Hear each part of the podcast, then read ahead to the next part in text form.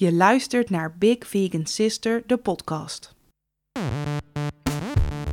Mijn naam is Lisa en ik strijd voor een wereld waarin we niet alleen liever zijn voor elkaar, maar ook voor onszelf. Met deze podcast ben ik er voor iedereen die een positief verschil wil maken in deze wereld, maar geen idee heeft waar te beginnen. Samen met mijn gasten neem ik je mee langs allerlei onderwerpen die bijdragen aan een inclusievere wereld. En bied ik je herkenning, nieuwe inzichten en een heleboel praktische handvatten om direct mee aan de slag te gaan. We zijn hier om te leren. Maar om maar even bij de woorden van Maya Angelou te blijven: When you know better, do better. Welkom bij een nieuwe aflevering van Big Vegan Sister, de podcast. Ik ben Lisa, host van deze podcast, maar vandaag even niet. In deze laatste aflevering van dit seizoen word ik namelijk geïnterviewd. En degene die die taak op zich zal nemen is niemand minder dan mijn eigenste vriend Randy. In deze aflevering kijken we namelijk terug op het afgelopen podcastjaar en blikken we vooruit. En met wie kan ik dat beter doen dan met degene die mij door en door kent en met wie ik bank, bed en pup deel. We zitten hier samen aan de keukentafel. Het is al donker buiten. Hondje Mila ligt heel lief naast mij op een stoel te slapen. En we hopen dat ze zich een beetje rustig houdt gedurende ons gesprek. Maar uh, voor ik zo het woord aan jou geef, Randy, zou je jezelf misschien even kort willen voorstellen voor degenen die jou nog niet kennen? Nou, kort dan. Ik ben. Uh, Mand. Ja, mand. Randy, 35. Nee, ik. Uh, ik ben Randy, ik ben 35 jaar. Ja, zoals je dus al aan hebt gegeven, ben ik jouw partner. Um, ik run ook samen met Lisa Drijf Studio Stoofpot. En ik host daarnaast ook nog een eigen podcast, De Gevoelige Jongens. Randy, jij had dit idee om deze podcast-aflevering op te nemen. Um, en toen dacht ik meteen, ja, dat is echt een vet goed idee. Want ik ben mijn hoofd best wel bezig met wat wil ik met de podcast. Uh, wees niet bang, hij gaat niet verdwijnen. Um, hij gaat verbeteren, denk ik, vind ik, hoop ik. Um, maar om een beetje terug te blikken op wat ik nou eigenlijk allemaal heb lopen doen het afgelopen jaar, ondanks de panini, ondanks alles wat er speelt. Um, en om een beetje vooruit te kunnen kijken, jullie daarin mee te kunnen nemen, dacht ik nou, of nou eigenlijk dacht jij, is het misschien wel goed om daar een aflevering aan te wijden. En ik heb gewoon een interviewer in huis. Dus ja, dat leek me perfect. Ja, wat je al zei, jij sprak een paar maanden terug, denk ik, de twijfel uit van, ja, ik vind het, ik vind het leuk met de podcast, maar ik denk dat het beter kan, maar ik weet niet waar, op welk gebied, ik weet niet waar het om in zit. Ik voel, ik voel dat er gewoon iets beter kan. Dus dan gaan we dat samen eventjes naar kijken. Waarom nemen we daar gewoon ook niet een aflevering over op? Je bent altijd heel eerlijk over alles wat bij je speelt. Die twijfel mag je ook best benoemen. Je, kan, je mag benoemen wat er goed gaat. Je mag benoemen wat er in jouw ogen minder goed gaat. En ja, uiteindelijk moet je zelf gewoon compleet tevreden zijn. Want de luisteraars het leuk vinden. Dat is leuk. Maar je doet het uiteindelijk ook gewoon voor jezelf natuurlijk. Dus ja, kijk, als, als allemaal luisteraars zouden zeggen: ja, ik vind het echt een kut podcast, dan zou ik misschien wel even denken: mm, wat doe ik verkeerd? Maar inderdaad is het ook gewoon belangrijk dat ik er zelf heel erg blij mee ben. En het is niet zo dat ik niet blij ben met de podcast, maar er kriebelt gewoon iets. Ik denk gewoon, ja, ik ben, het is tijd voor uh, Big Vegan Sister, de podcast 3.0, zeg maar. Zoals je al zei, laten we eerst maar eens gewoon beginnen met terugblikken. Je hebt een vragensticker uitgezet een tijd geleden op jouw profiel. En er zijn wel een aantal vraagjes, uh, vraagjes gesteld. Daar heb ik een kleine selectie van gemaakt. Ik ga heel veel het papiertje erbij pakken, want ik ben natuurlijk goed voorbereid. En ja, laten we maar, laten we maar eens gewoon met de meest, uh, de meest algemene vraag uh, beginnen. Of ja, meest algemeen. Laten we maar gewoon met de eerste vraag beginnen. Zou je gewoon het kan op je persoonlijke leven zijn of op de podcast, denk ik, zoals de vraag is gesteld. Wat was nou echt een fijn moment in 2021 en wat was nou echt een moeilijk moment voor je? Die vraag is trouwens afkomstig van Brit underscore Gerard underscore Buursema, als ik het goed kan, als ik mijn eigen handschrift nog goed kan lezen. maar ik zou zeggen, shoot, fijn en moeilijk moment 2021. Ja, oeh. Weet je nou ik het best lastig vind om erop te antwoorden. Ik weet niet of. Ik denk dat. Nou ja, laat ik nu voor mezelf spreken. Ik wil meteen weer iedereen erbij halen. 2021 voelt best wel als een soort blur. Als ik eraan terugdenk, denk ik. My god, wat is dat snel gegaan? En aan de andere kant, wat gingen sommige dingen ook langzaam? En normaal heb je dan best wel van die eikpunten in een jaar of zo. Of je gaat eens een keer ergens heen en dat is dan echt zo'n memorabel moment. En nou ja, heel veel van ons jaar heeft zich toch wel hier binnen tussen de paar muren van ons huis, te scheve muren van peperkoek van ons huis, afgespeeld. Ehm, dus ik moet je eerlijk zeggen dat ik best wel diep moet graven om dat naar boven te halen. Maar ik weet niet of er echt één bepaald moment is, maar ehm, wat ik zelf enorm koester is. Ehm, nee, ik weet wel een mooi moment. Vertel. Ja? Ja. Het moment waarop jij je baan opzij om volledig voor Studio Stoofpot te gaan. Ja, dat vond ik inderdaad ook een mooi moment. Een heel mooi moment uh, zelfs. Maar ik weet, dat, dat gaat mij en het is voor ons alle twee. Maar er zijn toch ook wel, als ik heel eventjes terugkijk naar het jaar 2000. Eigenlijk is 2020 en 2021 zou je gewoon aan elkaar kunnen verbinden als één jaar. Maar ik denk, hoe treurig het misschien ook klinkt, dat we wel een heel leuk lichtpuntje hebben gehad. En dat was de eerste keer dat we weer een toko ingingen. Oh mijn god, ja, dat was echt fantastisch. Hoe super was dat al niet? Gewoon lekker, lekker een mondkap. FFP2-masker op en gaan. Ja, gaan met die bananen. Alles kopen wat er te kopen valt. Alle rekken leeg. Ja, we zijn er wel geteld één keer geweest dit jaar. Toen de besmettingen heel laag waren. Ja. Ja, dat was echt heel, maar heel tof. de voorraad hebben we nog steeds. En die, ik denk dat we die in 2024 nog nou, steeds... Nou, nee. Ik moet wel weer daarheen eigenlijk. Maar dat gaat nu even niet. Maar ik heb nog iets bedacht. Ja, we hebben ook nog een heel klein tripje gemaakt op het moment dat het safe kon. Ja, dat was fantastisch. Wil je daar nog en Weet je dat ik dat dus alweer vergeten was dat het afgelopen jaar was? Ja, dan heb ik twee mooie momenten. Um, ja, we zijn inderdaad naar Berlijn toe geweest in de zomer. Um, en dat was echt fantastisch. Naast um, dat ik Berlijn als stad gewoon heel erg leuk vind. Ik bedoel, ondanks alle gentrificatie en shit die zich daar ook afspeelt. En wat gewoon echt heel erg goed merkbaar en voelbaar is in de stad. Um, ja, ik, ja, ik klink nu echt als de meest generic hipster persoon. Maar ik heb gewoon iets met Berlijn. Ik hou van Berlijn. Ik voel me daar fijn. Um, maar ik merkte ook dat het mijn lichaam heel erg goed deed, dat het mijn hoofd heel erg goed deed. Um, het lukte ineens om veel langere stukken te lopen terwijl ik daar was dan wat me normaal lukt. En um, ik kon alles vanaf een afstandje een beetje bekijken. Um, en dat gaf me gewoon een heel fijn gevoel hoe we dat daar deden. Dat we alles heel veilig aanpakten. En ik voelde me daar gewoon echt heel fijn. En ja. Het grote verschil op dat moment met hoe het in Nederland was, was dat daarop uh, op dat moment natuurlijk overal een verplichting in het openbaar vervoer was om FFP2-maskers te dragen. Je kon nergens naar binnen zonder QR-code, terwijl dat hier nog wel het geval was. Uh, het was gewoon allemaal een stuk strenger. Je merkte gewoon dat het allemaal, ja, overal was je gewoon verplicht om jezelf uh, en anderen te beschermen. En daar werd ook heel erg gehamerd, niet alleen op je eigen bescherming, maar ook gewoon, je doet het niet alleen voor jezelf, je beschermt ook een ander. En ja dat was natuurlijk voor jou ook wel heel erg fijn, omdat je gewoon. Ja. Het was gewoon een heel schril contrast ook met, met hoe het hier in Nederland ging en gaat. En ik weet ook wel dat echt niet iedereen in Duitsland er hetzelfde over denkt. Maar de communicatie vanuit de overheid en ook hoe de bedrijven en zo dat zelf oppakken, is gewoon veel meer gericht op we moeten elkaar in bescherming nemen. In plaats van wat ik verder hier en ook in de VS en zo bijvoorbeeld veel zie gebeuren dat er over wordt gesproken van dat het uh, bemoedigend is dat de Omicron-variant vooral mensen uh, raakt die uh, al verschillende onderliggende aandoeningen hebben. Dat, dat is dan bemoedigend, dat iemand als ik, het, weet je wel, er dan potentieel wel en zo overlijden, maar andere mensen niet. Het was gewoon zo'n ongelooflijk. Het was pijnlijk en ongelooflijk bevrijdend en helend tegelijk om daar te zijn.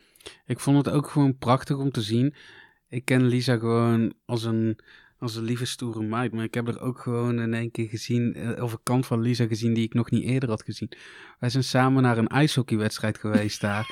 En daar veranderde ze in één keer in een combinatie tussen een klein kindje en een hooligan die met een sjaaltje aan het zwaaien was op het moment dat het team scoorde. En ja, lekker aan het bezig was. La la la la la la la. Ja, dat was wel echt een van mijn oh. hoogtepunten ook. Ik kijk er ook echt Oh mijn God, Heel erg fijn op terug. Al het, uh, ja, al het vegan eten ook. Fijne momenten ook met mijn vader die er op dat moment ook uh, ook als in Berlijn. Het was gewoon echt heel fijn. Geweldig mooi, geweldige stad. En het was gewoon fijn om heel even uit die, ja, uit het peperkoekhuisje te zijn. maar, uh, ja, we hebben nu twee, twee mooie kanten besproken. ik had nog één. Mag ik ja, heb je er nog één? Vertel. Vertel. Um, naar aanleiding van een van de podcastafleveringen die ik op heb genomen, rond de tafelgesprek uh, Disabled in coronatijd, samen met Nina, Claire en Neuroelfje, is er eigenlijk een hele mooie vriendschap tussen ons ontstaan. Dus we zijn nu een vriendengroepje en we zijn um, uh, een weekendje met elkaar naar Centerparks geweest. En dat was echt zo'n hele kinderlijke fantasie van mij dat ik dat echt zo graag mee wilde maken. En ik ben s ochtends naar een winkeltje gelopen om broodjes te halen. En er liepen eekhoorntjes buiten en het huisje was verder schots en scheef. En nee, niet, het was niet schots en scheef, maar het was wel een zeer. Het was een karakietenkast, ja.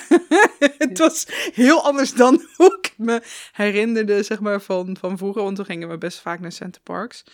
Um, maar dat, dat weekend is echt als je de term access intimacy nog niet kent, ga hem even opzoeken. Want dat was gewoon echt access intimacy in de praktijk.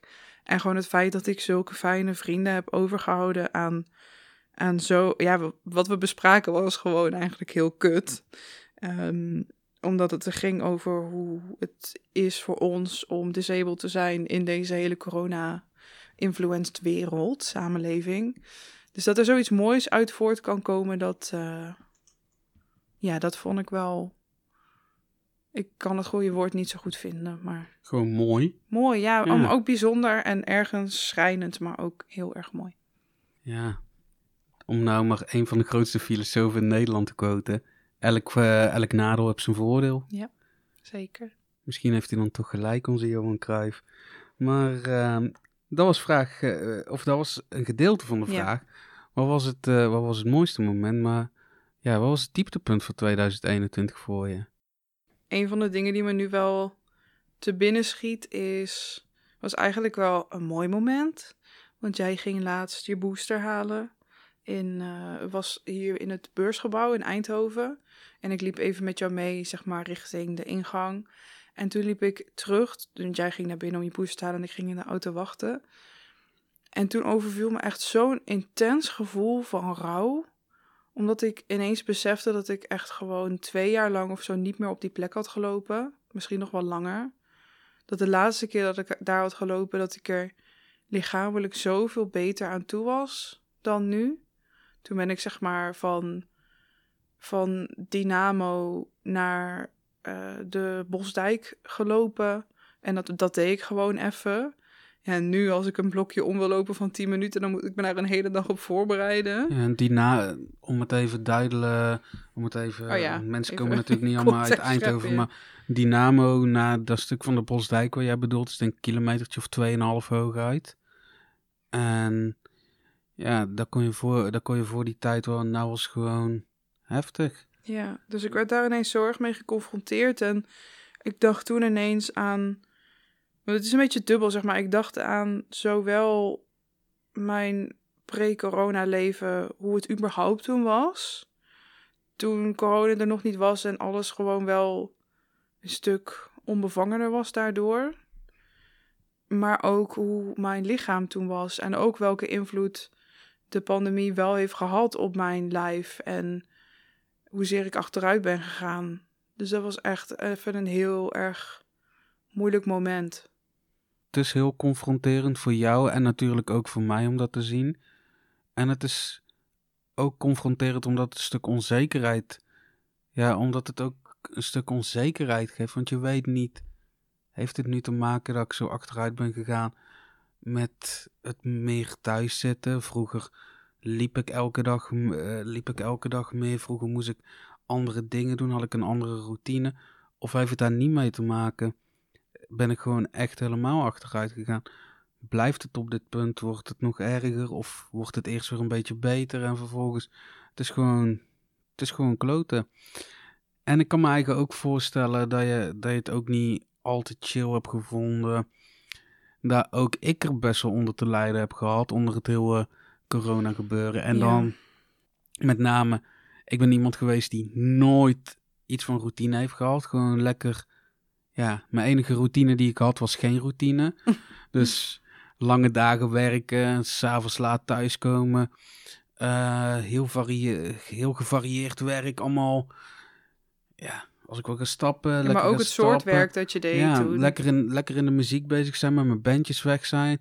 Eigenlijk gewoon omgekeerd leven zoals een normaal, eh, normaal mens. Dat ik dan een baan vind. En ja, daar ga ik niet over liggen klagen. Ik ben hartstikke dankbaar dat ik een baan had. Maar ik merkte gewoon wel dat me echt gigantisch op begon te breken. Ik vond het werk saai. Vond de omgeving niet geweldig leuk, niet inspirerend. Dus ik ging gewoon... Ja, ik ging elke dag gewoon keimoe aan de slag. En als ik dan klaar was met werken, dan was ik compleet uitgeput. Dus eh, ja, dat zag je natuurlijk ook naast je gebeuren. Maar gelukkig hebben we toen de beslissing genomen om eh, de baan gewoon te kappen, zodat ik me op andere dingen kan focussen. En daar ben ik wel heel erg blij mee. En volgens mij heeft dat jou ook wel behoorlijk wat lucht gegeven, want Ja. om toch nog eventjes... Dus misschien... Die volgorde die is eigenlijk verkeerd geweest, hè? We zijn begonnen met de leuke, leuke gedeeltes en vervolgens weer, eh, weer zijn geëindigd met, eh, met de stomme dingen. De vakantie die we aan het eind van het jaar hebben gehad, die was echt gewoon Die was geweldig. fantastisch. Eigenlijk was dat gewoon het hoogtepunt. We hebben ik letterlijk, heb wel meer hoogtepunten gehad, maar dat was echt holy shit. we hebben letterlijk eigenlijk geen ene, geen ene kut gedaan. Lekker ontspannen. Zo min mogelijk aan, eh, aan werk gedaan. Zo min mogelijk aan Studio Stoofpot, aan Big Vegan Sister, noem het allemaal maar op.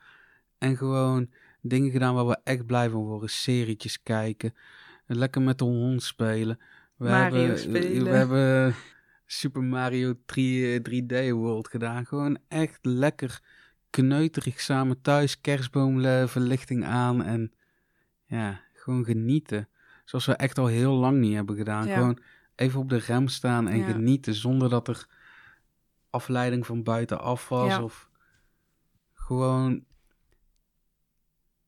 de situatie zoals die in de wereld is even nemen voor wat die is. De pandemie en noem het allemaal maar op. En gewoon binnen die, ja, binnen die kaders die, die daardoor geschept zijn, gewoon proberen optimaal te genieten. En dat is ons goed gelukt. Ja, dat hebben we en daar ben ik gedaan. heel erg blij mee. Ik ook. Ik vond het ook echt wel daardoor moeilijk om weer te beginnen, zeg maar.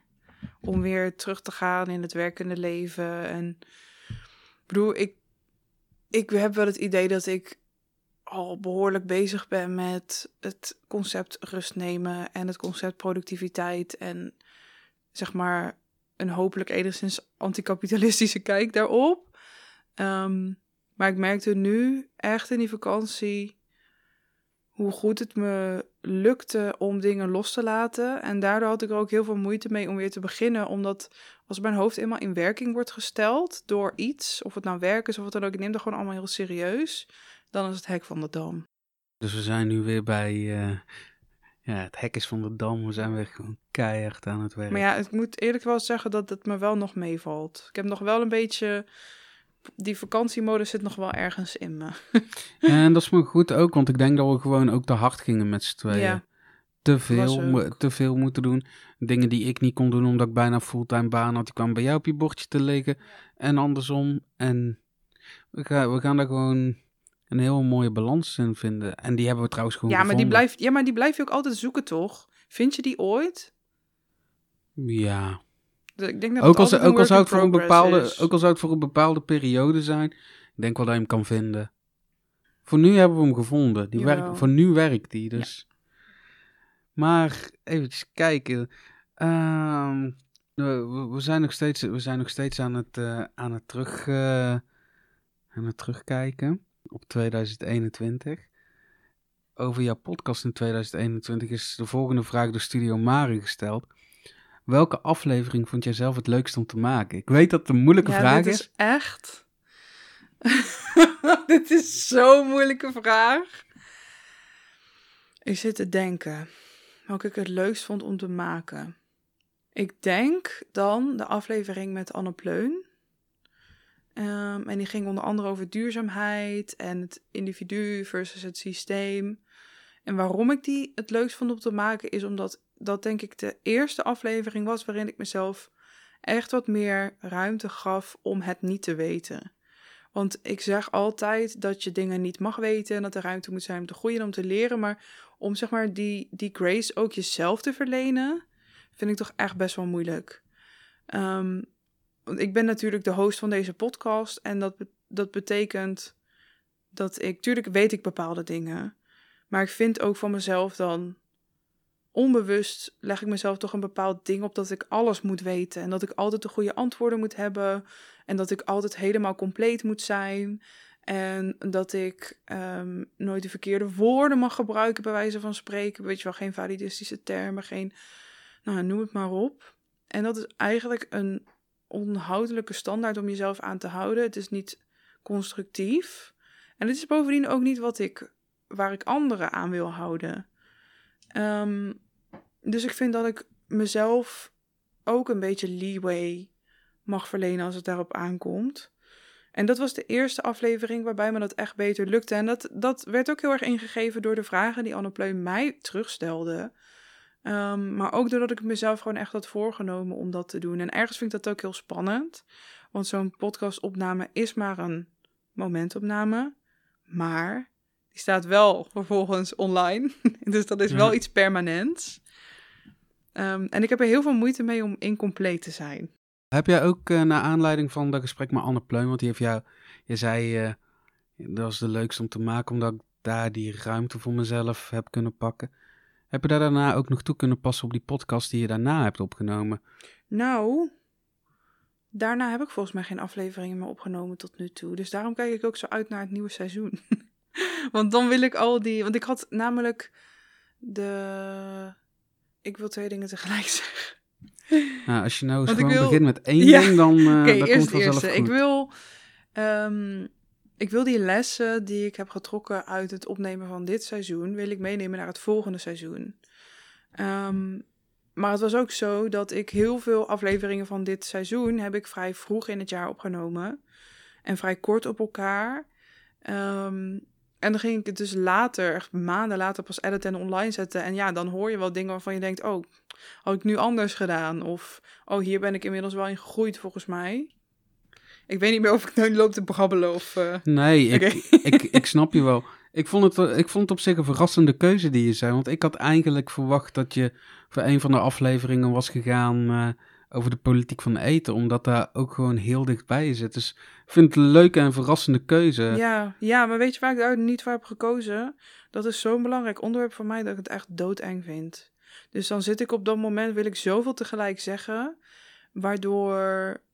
Um, ik vind dat ik in het gesprek op allebei, zeg maar in allebei de afleveringen, vind ik dat ik het gewoon beter had kunnen doen, gestructureerder had kunnen doen. Um, ben ik niet echt zo uit de verf gekomen als dat ik eigenlijk wilde. Want ik, dat is een onderwerp waar ik wel echt veel van weet. En dan wil ik alles tegelijk. Ja, maar dan, dan en, uh, ja. ik snap je, maar daar, of ik denk je te snappen, maar daar heb ik gelijk een vraag. Je hebt, ja. daar, je hebt die aflevering aan het begin van 2021 opgenomen. Was je op dat moment toen je het opnam tevreden over die aflevering? Ja, weet ik dus niet. Want ik weet meestal als we dan daarna klaar zijn met opnemen, dan staat het op en dan denk ik, woe. En dan, moet, dan heb ik zweetoksels en dan is mijn gezicht rood en dan denk ik, hoe afkoelen. En dan laat ik het ook echt even los. En daarna ga ik het pas editen, maar er zat er zo lang tussen. Dat ik eigenlijk niet meer zo goed weet ook wat ik op dat moment of overdag... Maar, maar je hebt... Uh je zegt, dan denk je van, woe, en dan heb je hmm. zweetoksels en noem het maar op. Levert je ook stress op? Uh, levert het je stress ja, op? Ja, maar dat is ook wel adrenaline dan hoor. En soms levert het me wel stress op, omdat ik gewoon heel graag wil dat de afleveringen van hoge kwaliteit zijn. En um, ik wil niet zeggen dat ze dat niet zijn, maar ik hoor gewoon wel veel ruimte voor verbetering. Tegelijkertijd weet ik ook Weet je, ik ben, geen, ik ben niet onderdeel van een productiehuis of zo. Ik doe letterlijk alles zelf. Ieder stapje die bij de podcast komt kijken. En als ik al die tijd die ik had, weet je wel, gewoon kon stoppen in het voorbereiden van het script en het. Uh, dan, dan zouden de afleveringen gewoon nog wel een stuk gepolijster misschien zijn. Aan de andere kant hoeft dat ook niet altijd. Maar um, ja, ik probeer gewoon oké okay te zijn met dat het altijd een work in progress is. En tegelijkertijd ja, ik wil gewoon de beste podcast, zeg maar, maken die ik kan maken. En dat vind ik soms best moeilijk. Ja, maar wat je zegt, de beste podcast die je kan maken, die maak je ook. Want je kan het op dat moment wel, mm, je kan er naar de rand wel minder tevreden mee zijn, maar je geeft op dat moment het beste Ja. wat je in je hebt. Daar heb je helemaal gelijk in. En het moet ook iets blijven waar je van gaat genieten. Als het je echt stress oplevert, dan... Tuurlijk geeft het me soms wel stress. Maar dat komt ook omdat ik ook weet hoe mensen op het internet tegen elkaar kunnen zijn. En hoe mensen op het internet tegen mij kunnen zijn. En dat is niet altijd even leuk. Maar nog veel meer dan dat vind ik het ongelooflijk leuk om te doen. En is dit ook gewoon de manier waarop ik mijn, de energie die ik heb, waarmee ik hopelijk de wereld een klein stukje mooier kan maken, of mensen meer inzicht kan geven, of mensen een helpende hand kan bieden daarin. Ehm, ja, wil ik het gewoon graag op deze manier inzetten. Omdat ik Mhm. ook, ik bedoel, ik zou deze podcast niet maken als ik dacht, nou, ik ken ook helemaal niks. Of wat een kut podcast of zo. Nee, maar in ieder geval, die reacties zou je altijd blijven houden. Heel veel mensen, dat is, al, dat is binnen vriendschappen, dat is online, die vinden elkaar natuurlijk ook in negativiteit. Dus eh, Klopt. de we- meeste vriendschappen, die, de, de meeste vriendschappen ontstaan door negativiteit. Doordat je gewoon lekker samen op iets kan schelden, lekker samen op iets kan afgeven. Maar je hebt aan de, aan de andere kant is het ook zo. Dus We hebben hier nou een podcastmicrofoon voor onze, voor onze neus staan. Super fijn ding. En ja, nu vertellen we dat dan in die podcast. Dus daar horen we wel, wellicht wel meer mensen. Maar één op één zouden we dat bijvoorbeeld aan drie mensen vertellen. Van, hé, hey, zo'n fijne po- podcastmicrofoon. Als het nou een Ja. klote ding was geweest, dan hadden we het aan twaalf mensen Ja, dat gemiddeld klopt verteld. echt. Dus ja, dat is iets... Als je je kop boven het maaiveld uitsteekt, dan moet je daarmee om leren gaan. Hoe... Ja, weet ik, maar het gaat me er meer om. Ik vind het helemaal niet erg als mensen mij op dingen wijzen. Ik wil graag leren. Dus als ik dingen verkeerd doe, zeg het me alsjeblieft. Ehm, of als ik dingen anders of beter kan doen. Maar dingen worden zo gauw uit verband getrokken. En het is ook vaak zo dat, dat zie ik gewoon gebeuren bij andere mensen. Dat er dan één keer één ding verkeerd wordt gezegd of wat dan ook, dat iemand dan meteen compleet af heeft gedaan. En dat zorgt er soms wel voor dat ik een bepaalde terughoudendheid voel in wat ik deel en hoe ik dat deel. En dat vind ik niet altijd even leuk. Ja, dat kan ik me voorstellen. Dat kan ik me ook echt voorstellen. En ik vind het ook, ja, vind het ook jammer om te horen dat je dan sommige, de- sommige dingen niet deelt. Ja, ik bedoel, niet alles hoeft gedeeld te worden. Ik hoef niet iedere poep en scheet die ik doe op Instagram te zetten. nee, maar. Ik, eh, ik, snap, ik snap dat je ermee zit. Alleen, ik hou eigenlijk helemaal niet van de term van omdenken. Maar als je nu gaat kijken naar hoeveel, eh, hoeveel mensen er nou eigenlijk daadwerkelijk zijn binnen die complete groep van je luisteraars, dan is het echt een verwaarloosbaar. Ja, weet ik, maar die mensen kunnen wel heel hard schreeuwen. En ik bedoel, ik ga gewoon door. Don't worry. Maar. En ook zonder omdenken vind ik dat dat er gewoon mag zijn, zeg maar. Dat Ja. ik me daar druk over maak. mag, of je dat mag ik je het- eigen dat daar zeker ja. druk over maken. Maar nee, ik laat me er niet door tegenhouden. Maar het is niet altijd even leuk. Dat weet jij ook bijvoorbeeld. Als ik toen ik een paar jaar, wat was dat, twee jaar geleden of zo, dat artikel voor One World schreef over als je veganist bent, waarom ben je dan zo dik? Als je daarop googelt, dan vind je er meteen. Nou ja, ik bedoel, de reacties die ik toen heb gekregen, alleen gewoon op een, op een essay die erover ging dat ik gewoon als een eh, mens behandeld wilde worden door andere veganisten, on- ongeacht mijn lichaamsformaat, die waren niet mals. En gewoon weten dat als ik bepaalde dingen zeg, dat er altijd dezelfde bepaalde, gewoon echt fucking heftige, ehm ontmenselijkende reacties op gaan komen. Ja, daar heb ik gewoon niet altijd zin in. Maar het is gewoon kut, want dat betekent dat ik niet mijn hele verhaal kan vertellen. En dat maakt me wel eens gewoon echt heel erg verdrietig. Er zijn ook gewoon bepaalde hashtags die ik niet meer gebruik. Omdat als ik die wel gebruik en mensen komen trollen en me uit gaan schelden voor allerlei vethatende shit. Ja, daar word ik wel verdrietig van. Ik ook, moet ik zeggen. Of ja, verdrietig. Ik ben dan bijna, ik ben dan bijna in staat om... Kijk, als het naar mij toe komt, dan heb ik zoiets van, ja, fuck jou, ik blokkeer je. Maar als ik zie dat er iemand zo'n reactie op jou, eh, op jou stuurt, dan word ik wel echt flink pissig. Het is, het is gewoon, dat is een van de treurige, treurige dingen natuurlijk aan, eh, ja, aan het internet. Ja. En, en het is volgens mij ook, het ligt ook niet aan het internet, want het is nooit anders geweest.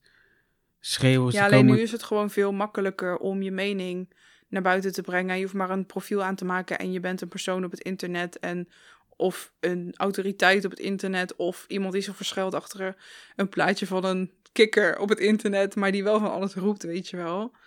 En Ja. nu heb ik het dan over een persoonlijk kenmerk van mezelf. Maar het kan ook gewoon gaan over.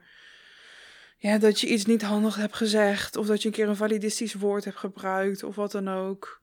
En ehm, ja, dat eh, maakt het soms lastiger. Nou, ik weet in ieder geval dat jij er altijd goed mee bezig bent en het heel goed in je achterhoofd probeert te houden. Je verbetert mij er ook vaak om. Ja, we verbeteren. Ja, we verbeteren elkaar. En zo, zoals, je, zoals je al zei, je kan zonder fouten te maken, kun je gewoon echt absoluut niet leren. Klopt. In ieder geval, dat is mij bijgebleven van de middelbare schooltijd. Zonder fouten te maken kan je niet leren. Ik heb eigenlijk geen zin om, geen zin om in dat negatieve te blijven hangen. Nou, want we, geven we dat soort personen echt veel en veel en veel te veel aandacht. Dus ik ga, ik ga je iets andere, een andere vraag stellen die ik van, of die via mij underscore KE underscore is binnengekomen. Welke zin slash opmerking eye-opener van je gast is je echt het meeste bijgebleven in 2021? Ja, ja die. Eh, ik had natuurlijk ja, zelf gezien welke vragen er binnenkwamen. Ik wist niet welke jij zou kiezen. Maar deze, hier wist ik echt meteen het antwoord op. Vertel. Ja, daar komt hij. nee, dat was van de aflevering met Iman Nadif. Over onder andere klimaatonrecht. En ehm, we hadden het erover dat in Nederland het woord eh, tolerant echt zo'n heel veel gebruikte term is. Het gaat allemaal over tolerantie en gedogen. Eh, en dat er vaak dan een beetje wordt gedaan alsof we moeten streven naar tolerantie. En toen zei ik, ja, we moeten helemaal niet streven na- naar tolerantie. We moeten streven naar eh, acceptatie of omarming. En toen zei Iman heel terecht, nee, daar hoeven we helemaal niet naar te streven. Want dat impliceert nog steeds dat er een soort van machtige partij is die de ander verwelkomt en omarmt. Terwijl, weet je wel, die machtsverhoudingen zouden er überhaupt niet moeten zijn. Je bestaat en daarom heb je waarde. En dat, dat was zo spijker op zijn kop. En dat gaf ook woorden aan een bepaalde itch die ik al langer voelde rondom dat, dat specifieke stukje. Ehm, dus daar ben ik Iman heel dankbaar voor. Dat ze dat, ehm, dat, ze dat eh, toen zei tegen mij. Ja, die kan op het tegeltje geschilderd worden en eh, op ons kleine wc'tje komen te hangen. Eh, ik, wil nog, eh, ik wil nog twee vraagjes eigenlijk aan je stellen. Eh, de eerste, dat is even een flauwe tussendoor. Die kan zo niet zien via wie die binnen is gekomen, maar wat vind je eigenlijk van mijn podcast? oh, you. Ik vind jouw podcast heel erg tof. Ik ben echt ongelooflijk trots op jou dat je die maakt. Ehm, en ik wilde die ook eh, aan gaan raden als luistertip voor eh, de mensen die nu aan het luisteren zijn. De Gevoelige Jongens heet de podcast. En ik vind het gewoon eh, tof dat jullie daarin het onderwerp eh, mannelijkheid slash mannelijke gevoelens slash toxic mannelijkheid ehm, onderzoeken en kijken van, nou ja, waar komt dat vandaan en, en, en hoe, nestelt dat zich in onze gedragingen en ehm, nou ja, vind ik gewoon tof. En ik vind ook dat jullie het op een ja, behoorlijk inclusieve manier aanpakken. Ik bedoel, jullie heten dan de gevoelige jongens en het gaat over mannelijke emoties. Maar mm, ja, wat is mannelijk? Ook dat überhaupt. Volgens mij gaan jullie dat ook nog eh, een beetje onderzoeken met Ja, elkaar. we, zeggen, we zeggen het ook in de intro, niet enkel voor eh, Ja. gevoelige jongens. Ja. Het heet dan wel de gevoelige jongens, omdat wij jongens zijn, maar een gevoelige jongen hoeft niet per se een man te zijn. Ja. Dat is hem. Maar we hebben nu heel lang teruggekeken en nu gaan we, gaan we ook vooruit kijken. Maar voordat we vooru- vooruit gaan kijken, ben ik heel erg benieuwd. En volgens mij is die vraag ook binnengekomen via de vragen die überhaupt, of eh, die via jouw vragenstukken zijn binnengekomen. Wat is het initiële doel geweest van Big Vegan Sister, de podcast? Ja. Waarom ben je die gaan maken? Ja, ik wilde graag een plek zijn voor waar mensen naartoe konden komen die graag iets wilden doen om de wereld te verbeteren. En dat klinkt heel groot, maar dat kan ook heel klein zijn. Ehm, maar die gewoon eigenlijk geen idee hadden waar ze dan moesten beginnen of wat ze dan vervolgens konden doen. Ehm, en dat komt. Ik zet me al best wel lang activistisch in. En daarmee bedoel ik, toen ik een jaar of zeven, acht was, toen ging ik zelf cakejes en koekjes bakken. En dan ging ik langs de deuren in de buurt om geld in te zamelen voor het goede doel. Zoals Brook Hospital for Animals of het plaatselijke dierenasiel. En um, dat heb ik altijd heel normaal gevonden om te doen. Ik had gewoon die, die drive om de wereld voor anderen ook een, een stukje mooi te maken, omdat ik wist dat ik het toch best wel goed had in het leven. Weet je, ondanks dat ook ik echt wel moeilijke dingen en moeilijke tijden uh, meemaak, heb meegemaakt, wist ik gewoon, nou, weet je, ik heb ook best wel veel voorrechten en ik wil iets doen om de ongelijkheid in de wereld te bestrijden. Um, en mijn ouders hebben me daar ook altijd heel erg in gesteund. Daar ben ik ze ook super dankbaar voor. Want het is echt niet, zeg maar, logisch dat je kind van acht in de buurt langs de deuren gaat met zelfgebakken dingen om geld in te zamelen of zo. Um, maar zo vroeg zat dat er dus al in. En ik denk toen ik een jaar of 16, 17 was, toen begon ik me meer en meer te verdiepen in feminisme ook. En ik zocht ook heel erg naar een plek waar ik met gelijkgestemden kon zijn. En um, ik vond die maar niet.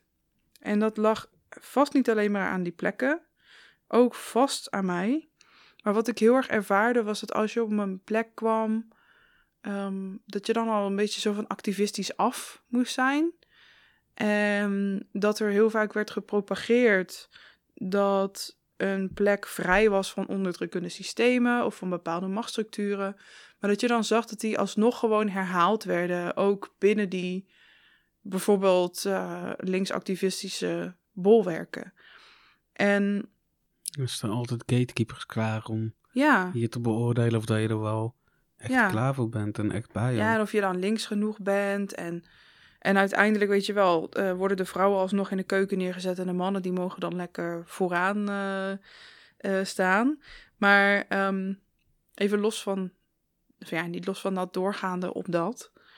Ehm, ik kreeg steeds meer vragen van mensen om me heen. Of het nou dus offline of online was.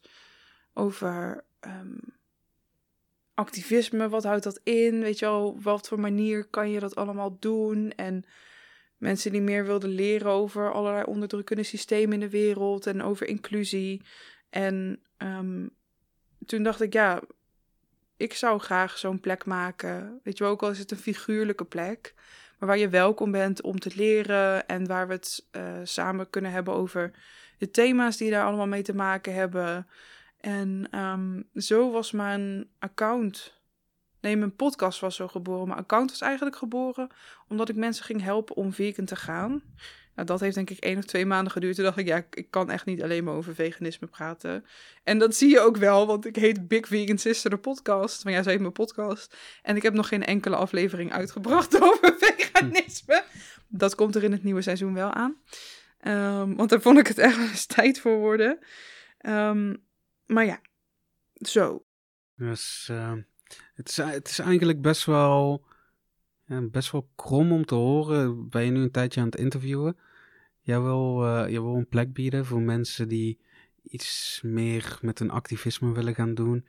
En ja, die of al gewoon een tijd activistisch zijn, maar die vooral nog bereid zijn om te leren. En jij voelt een stukje terughoudendheid in de dingen die je uitbrengt. Juist omdat je geen fouten wil maken, omdat je daarop afgerekend Mhm. wordt. Dus jij wil eigenlijk een safe space binnen het. Als ik het, als ik het op mijn manier samen mag vatten, een safe space binnen het, ja, binnen het activistische wereldje creëren waar mensen ook echt gewoon fouten mogen maken. Zolang ze maar bereid zijn om die fouten ook gewoon te herstellen. Ja, absoluut. Maar dat is dus het hele ding.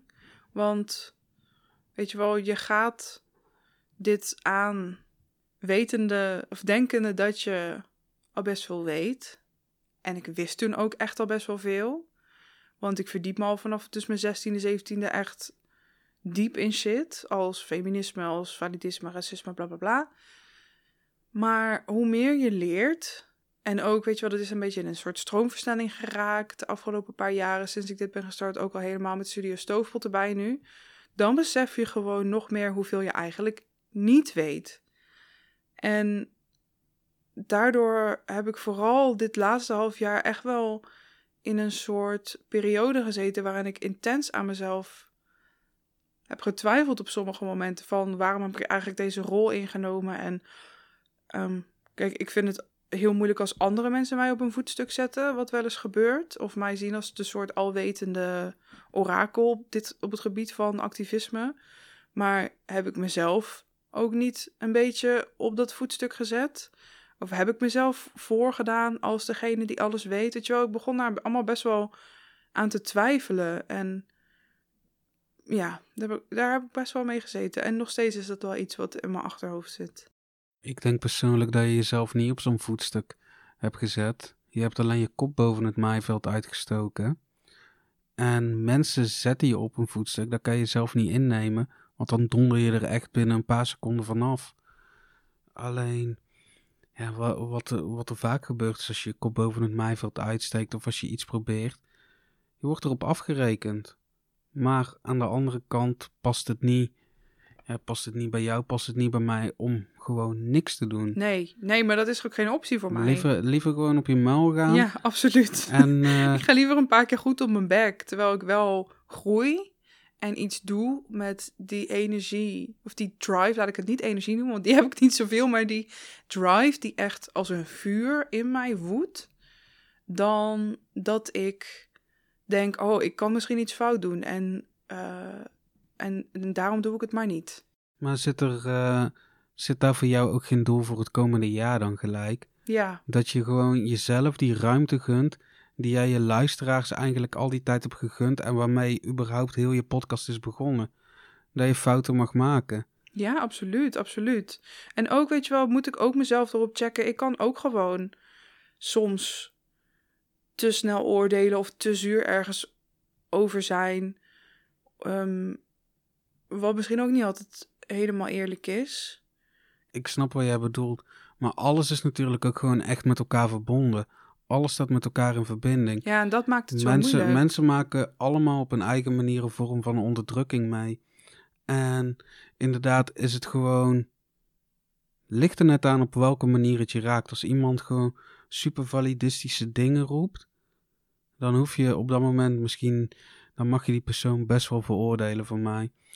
Maar ik zie het bijvoorbeeld wel, wel als mijn taak als ik iemand uh, als, als ik iemand die uit dezelfde sociale klasse komt, waarin ik, van, uh, waarin ik geboren ben.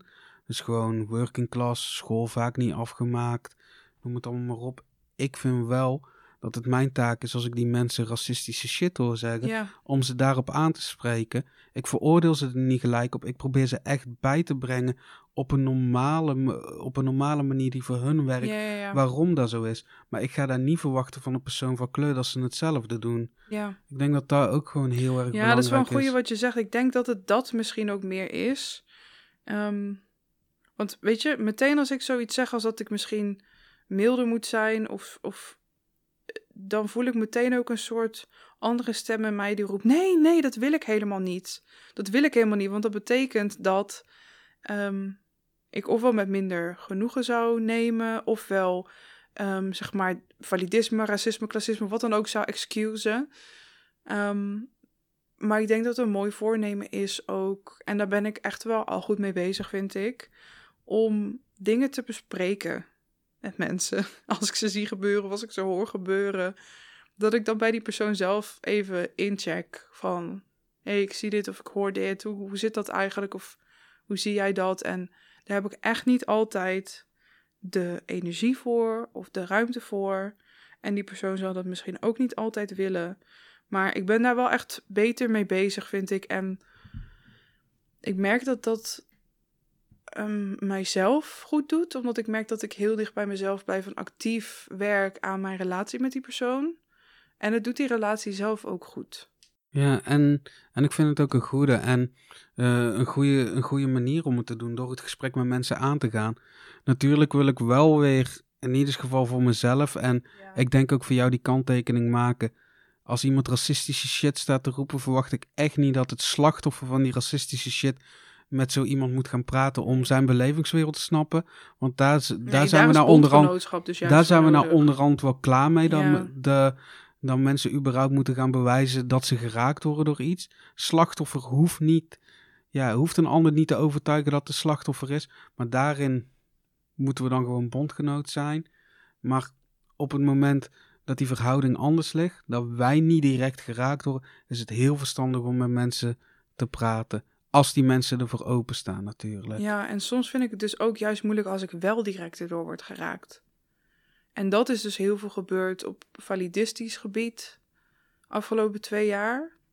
Wat ik zo moeilijk vind. Ik snap, ik snap hem helemaal. Ik zie het ook bijvoorbeeld als bij jou langskomen dan mensen gewoon met heel goed bedoelde, met heel goed bedoelde opmerkingen complete tegenovergestelde, complete tegenovergestelde bereiken. Door te zeggen, ja, ik wens je heel veel gezondheid. Of ja, dat wordt wel beter. De, gewoon positief blijven denken, dan komt het, allemaal wel het goed. het wordt in sommige gevallen niet beter. Positief denken helpt niet. inspiration porno delen helpt niet. Maar daar kom ik dan bijvoorbeeld om de hoek kijken. Want ik kan dan bijvoorbeeld tegen diegene zeggen van... Super, super tof wat je bedoelt, maar dat heeft dit effect. En dan kan ik die discussie aangaan. Ik vind niet dat jij die discussie daar aan hoeft te gaan. Nee, klopt. Maar het kan ook gewoon gebeuren in, weet je wel, gewoon interpersoonlijke relaties. Gewoon tussen vrienden of tussen uh, mijn collega of wat dan ook. En dat zijn ook van die momenten dat je denkt: oh, ga ik hier nu iets van zeggen? Heb ik de energie om dat te zeggen? Wat zijn de eventuele gevolgen daarvan? Speelt er een machtsverhouding? Ehm, en dan kies ik er toch heel vaak voor om het niet te zeggen, omdat ik gewoon simpelweg de energie niet heb. Maar het vreet echt aan je als je keer op keer die micro- en macro-agressies over je heen krijgt. Dat is iets wat ik heel erg moeilijk vind. Ik ben echt enorm conflictvermijdend. Um, maar dat betekent ook dat ik onbewust soms misschien dingen eigenlijk een beetje saboteer, doordat ik niet helemaal eerlijk durf te zijn. Maar dat is dus iets waar ik heel erg aan werk nu. En wat ik ook wel merk, wat, dat het, weet je, het levert me wel heel veel spanning op. En dat komt ook echt voort uit een traumareactie. Voor echt heel veel oud zeer dat hier omtrent zit bij mij. Ehm, maar na de hand voel ik me wel echt zoveel beter. Ja, ik ben ook wel heel erg blij dat we daar samen aan, aan hebben kunnen werken. En daar ben je echt super veel in gegroeid. Klopt. De laatste vijf jaar, zeker ook het laatste jaar. Maar ja. ook gewoon door nu te zeggen wat je wil zeggen. Dus gewoon dat je soms dingetjes niet benoemt of je heel erg op je woorden let. Dat zou je in het verleden misschien niet gezegd hebben, want hier zou je ook confrontatie mee aan kunnen gaan. Dus ik denk dat we daar misschien ook wel een doel voor het komende jaar te pakken hebben, of ja. niet? Ja, zeker. Absoluut. Maar daarnaast, wat, wat zijn nou echt wensen voor jou persoonlijk die je... Wat vind je op dit moment goed? Waar wil je zo houden aan je podcast en meenemen naar volgend jaar? Nou ja, wat ik goed vind is überhaupt, er is gewoon de algemene insteek. Dus dat ik graag wil dat dat een plek is waar je naartoe kan komen om te luisteren en nieuwe informatie of verdiepende informatie in je op te nemen. Uh, met interessante gesprekken, met uh, nodige perspectieven van mensen. Um, dus dat wil ik graag zo houden. Dus even, je, je hebt het nou uitgelegd. Mm, hoe, hoe ik jouw podcast uh, ervaren, ze die je in drie woorden zou moeten omschrijven, uh, is leerzaam, gezellig en open-minded. Welke drie woorden zou jij er zelf aan verbinden? Wow. Want ja, ja, als je die drie woorden Het is wel grappig dat je dat zegt hoor, want ik zou zelf gezellig nooit hebben gekozen, terwijl ik dat eigenlijk wel meer erin wil, maar daar gaan we het straks over hebben. Um, ik zou ook zeggen leerzaam. Um, ik hoop ook inspirerend. Mooi, ja. Dat, ge, dat gezellige. Persoonlijk ik, ik zit hier nou wel allemaal te lullen door zo'n microfoon heen. En ik maak zelf ook een podcast. Maar ik, ja, ik kan er eigenlijk bijna niet naar luisteren door mijn ADHD. Nu heb ik een paar afleveringen voor jou meegeëdit. En gezelligheid was wel echt een van de eerste dingen die bij me opkwamen. Bijvoorbeeld in het gesprek met Anne Pleun, wat jij hebt gehad. Maar ook zeker in het gesprek met, uh, met Onesie en Dorothy. Ja.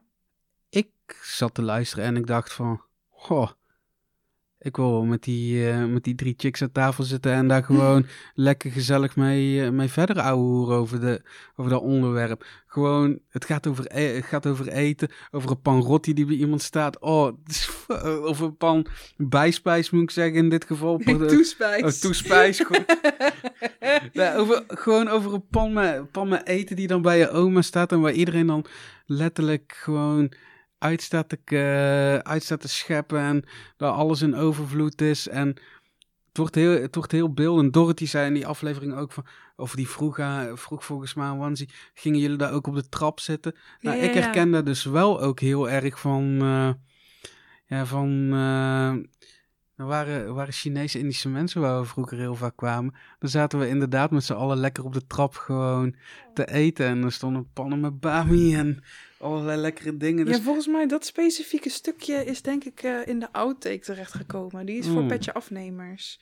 Dus mocht je dat graag willen luisteren, dan moet je even doneren via petje.af. nee, ik maar, Slash Big Vegans. Maar in ieder geval, ik denk wel gelijk echt aan gezelligheid. Maar jij zei, het is een doel voor volgend jaar ook, die mhm. gezelligheid. Wat bedoel je daarmee? Ja, ja ik heb al een tijdje dat ik um, merk dat ik wat meer lucht in de podcast wil brengen dat is ook iets waar ik heel erg mee worstel.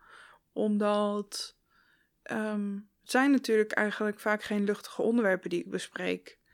En um, ik zou ervoor kunnen kiezen om dus wel meer luchtige onderwerpen te bespreken. Nou, ja, is dat gewoon niet mijn ding voor deze podcast. Um, maar hoe breng je lucht in een podcast die gewoon over echt wel serieuze zaken gaat. Want ik wil niet uh, lacherig doen over onrecht. Um, dus dat is iets wat ik best wel moeilijk vind. En ik hoop. Um, ik hoop wel dat. Ik bedoel, mijn, mijn, mijn afleveringen zijn tot nu toe natuurlijk ook niet helemaal serieus. Ik bedoel, er wordt ook gewoon af en toe gelachen. Maar ik zit gewoon een beetje te denken over, weet je wel. Um, wil ik er meer lucht in? Ja, denk op sommige punten wel. Um, past dat? Weet ik niet goed. En op welke manier zou het dan passen in de gesprekken zoals ze nu zijn? Een extra segment toevoegen. Uh, wat zou dat segment dan moeten zijn? Um, het moet haalbaar blijven voor mezelf. Aan de andere kant kan dit het ook weer extra leuk maken. Dus dat zijn wel gewoon dingen die, die heel erg. Um, ja, die heel erg in mijn hoofd zitten. Maar bijvoorbeeld uh, die, luchtige, die luchtigheid inbrengen. Je hebt het over serieuze onderwerpen, daar wil ik niet te veel luchtig over doen of niet te veel vergrappen. Is daar ook een angst die voorkomt juist omdat je bang bent dat je afgerekend gaat worden? Nee, dat niet, maar dat is omdat ik me daar persoonlijk soms bij anderen aan kan ergeren. Zeg maar, in de gesprekken die ik voer heb ik gewoon niet de neiging om die luchtigere kant of die grappigere kant op te zoeken. Kijk, als het gebeurt, dan gebeurt het. Maar ik praat gewoon vaak met mensen die een compleet andere ervaring hebben dan ik, of die hele andere uh, marginalisaties doormaken. En dan vind ik dat gewoon ook niet gepast. Ja, dat kan, dat kan ik me heel goed voorstellen. En wanneer je iemand uitnodigt, dan vind ik dat je dat nu al goed doet. Om over een onderwerp te praten. Praat je niet alleen over het onderwerp, maar ook over andere dingen die de persoon definiëren. Kom al persoonlijke vragen naar boven. En daar zitten bijvoorbeeld stukken waar waarom gelachen zou kunnen worden. En als je bijvoorbeeld een ronde tafelgesprek zit of met mensen waar je overlap mee hebt op het onderwerp, dan is het al een stuk makkelijker om uh, dat je dingen bij elkaar herkent. Uh. Ja, maar het gaat ook heel erg over welke chemie heb je met wie. Want ik bedoel, niet met iedere gast heb je diezelfde chemie en dat kan ook helemaal niet. Ik wil niet zeggen dat je geen interessant gesprek kan voeren. Um, maar met de ene persoon ja, zit je gewoon heel erg op een bepaaldezelfde golflengte of of uh, heb je al langer contact? Uh, heb je al bepaalde grapjes lopen? Of voel je elkaar gewoon heel goed aan? Dus dat is ook daar heel erg van afhankelijk. Ik bedoel, als je bijvoorbeeld uh, met een duo. Ik denk bijvoorbeeld even aan de podcast Maintenance Phase. Maintenance Phase, jezus. Um, van uh, Aubrey Gordon en nog iemand. Oh, wat erg. Michael Hobbs. Michael Hobbs. Um, en die maken samen een podcast over um, alles dieetcultuur en wellness. En die gaan dan van alles ontkrachten. Het zijn ook hele serieuze onderwerpen eigenlijk. Alleen zij zijn zo leuk op elkaar ingespeeld. En ze hebben ook eigenlijk nooit een gast. Ze zijn altijd met z'n tweeën. Um, dus ja, dat is gewoon super leuk en fijn. En ook vaak luchtig om naar te luisteren. Ook al is het hele zware kost. Um, maar dat is lastig om te doen als je in je eentje de host bent en alles eromheen regelt en iedere keer andere gasten hebt. Want dan raak je niet op die manier op elkaar ingespeeld. Maar dan denk ik van, ik bedoel, ik kan ook op andere manieren de lucht opzoeken. Ik zou ook um, bijvoorbeeld losse extra af, soort afleveringen toe kunnen voegen, kortere afleveringen tussendoor. Maar waar praat je dan over? En hoe dan? En wat willen mensen graag horen? Um, ja, en wat wil je zelf graag? Ja, ja, ja, ja, ook dat. Ook dat. Maar inderdaad, we hebben het nou wel over grapjes. Maar dat is niet de enige manier om lucht toe te voegen. Ik denk dat er gewoon door te proberen, zoals eigenlijk het maar alles is wat je tot nu toe zo'n beetje in je leven hebt gedaan, dat gewoon een klein beetje aftasten en proberen is. Gewoon die Pippi Langkous instelling. Ja. Wist je dat die quote echt helemaal niet van Pippi Langkous is? Pippi heb heeft nooit nooit... gedaan, dus ik denk dat ik het wel kan. Daar kwam ik achter. Dat was, was echt een deceptie. Ik hou van Pippi Langkous. Ja, maar Pippi Langkous heeft nooit bestaan, dus die had ook zelf niet nou, kunnen zeggen. hou een moel. Pippi Langkous is echt. Nee, maar ik wil nog wel eventjes zeggen, stel dat je nu luistert en je denkt, nou, ik heb wel specifiek verzoek of een idee uh, voor wat ik leuk zou vinden uh, hè, in, dit, in dit kader voor de podcast, dan mag je me dat altijd eventjes mailen naar lisa.bigvegansister.com. hey, maar we hebben nou gevraagd in ieder geval wat je goed vindt. Ja. En ook eigenlijk wat je minder goed vindt, misschien. Dus je hebt niet gezegd hoe dat je het goed of minder goed vindt. Um, het, het soms gebrek aan lucht. Is, vind je dat als, kan ik dat omschrijven als minder goed? Het gebrek aan lucht? Ja, of wil je het het is niet per eens- se minder goed, maar het is wel iets waarbij ik al langer een soort verlangen heb om ook ehm, meer lucht in een podcast te hebben. Alleen, de vraag is, moet dat bij deze podcast? Misschien moet dat wel bij een andere. Misschien wel. En dat komt wellicht ook nog wel. Oh, misschien wel. Maar we, we, hebben, we hebben het nu over, eh, over die twee dingen gehad. Is er ook nog iets anders waar je zou willen verbeteren aan je podcast? Ja, ik zou iets minder lange afleveringen willen maken. Ehm, en dan nog steeds wel voor rond een uur. Dat is zelf ook een lengte die ik gewoon heel erg fijn vind. En dat zullen ook heus wel eens uitschieters zijn. En dat maakt echt niet uit als, als ik weer een keer anderhalf uur praat met mensen. Alleen nu is iedere podcastaflevering standaard anderhalf uur. En duurt het opnemen meestal nog veel langer.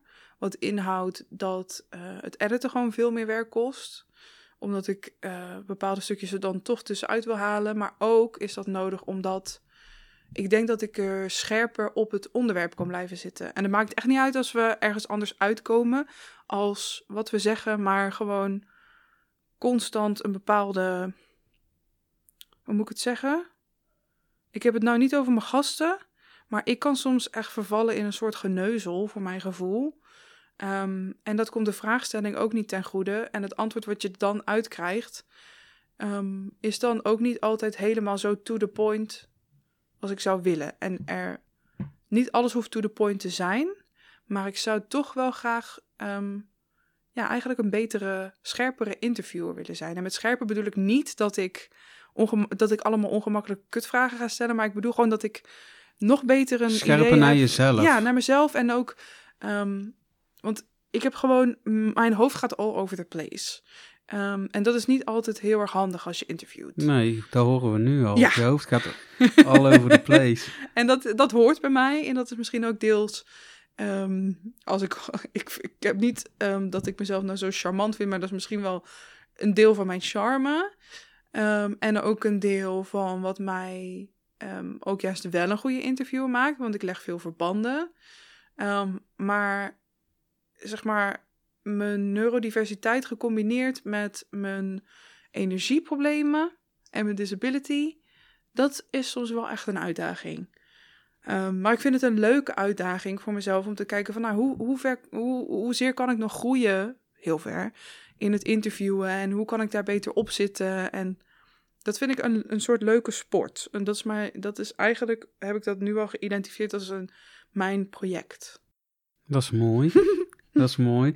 Dan, ik denk, je, je hebt het net dat je, de afle je hebt het er net over dat je de afleveringen niet te lang wil maken. Dus ik denk ook dat we nu naar een einde toe moeten gaan breien.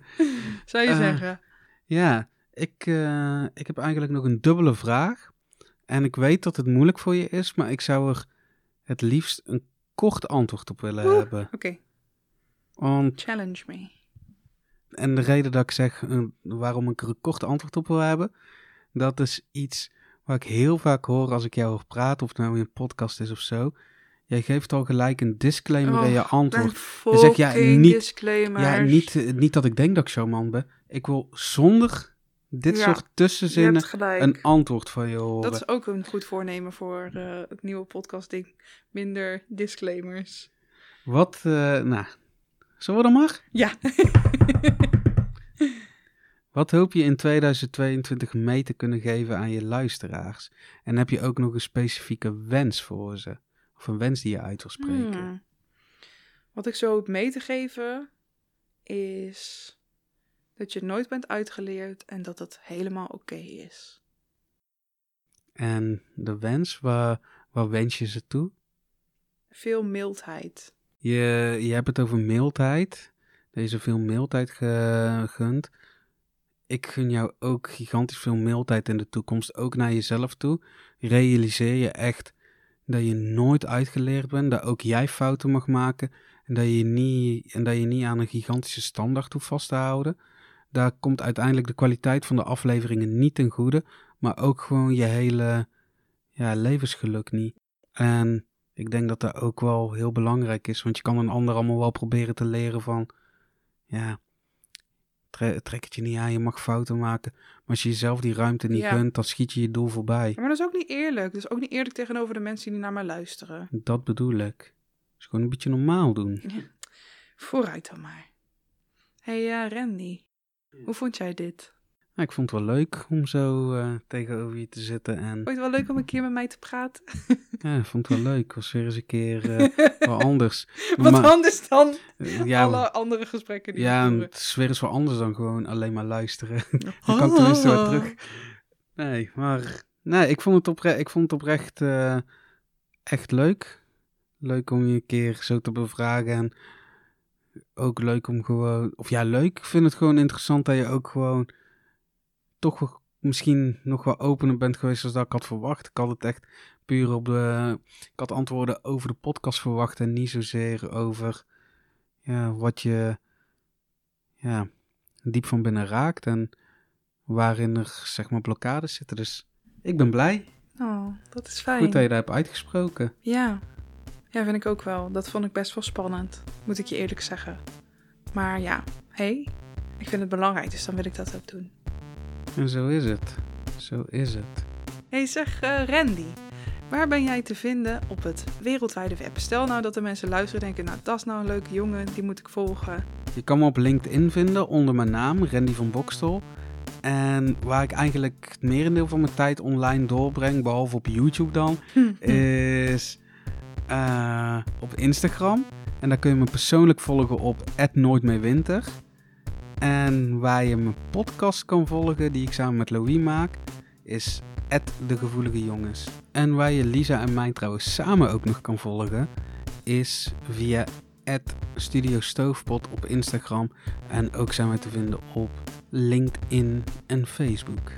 En waar ben jij te vinden, Lisa? Ja, mij volgen kan via @bigvegansister. Ik heb ook een patje.af account. Die heet ook Big Vegan Sister. Patje.af slash Big Sister. En daar kan je uh, doneren om de podcast te laten bestaan en verbeteren. Je kunt ook mijn boek kopen. Die heet Laat je horen. Zo maak jij een positief verschil in de wereld. En je kunt me ook mailen via lisa@bigvegansister.com. Ik wil je heel erg bedanken voor het luisteren, Rende. Ik wil jou heel erg bedanken voor het interviewen. En heel graag tot de volgende. Doei doei! Houdoe!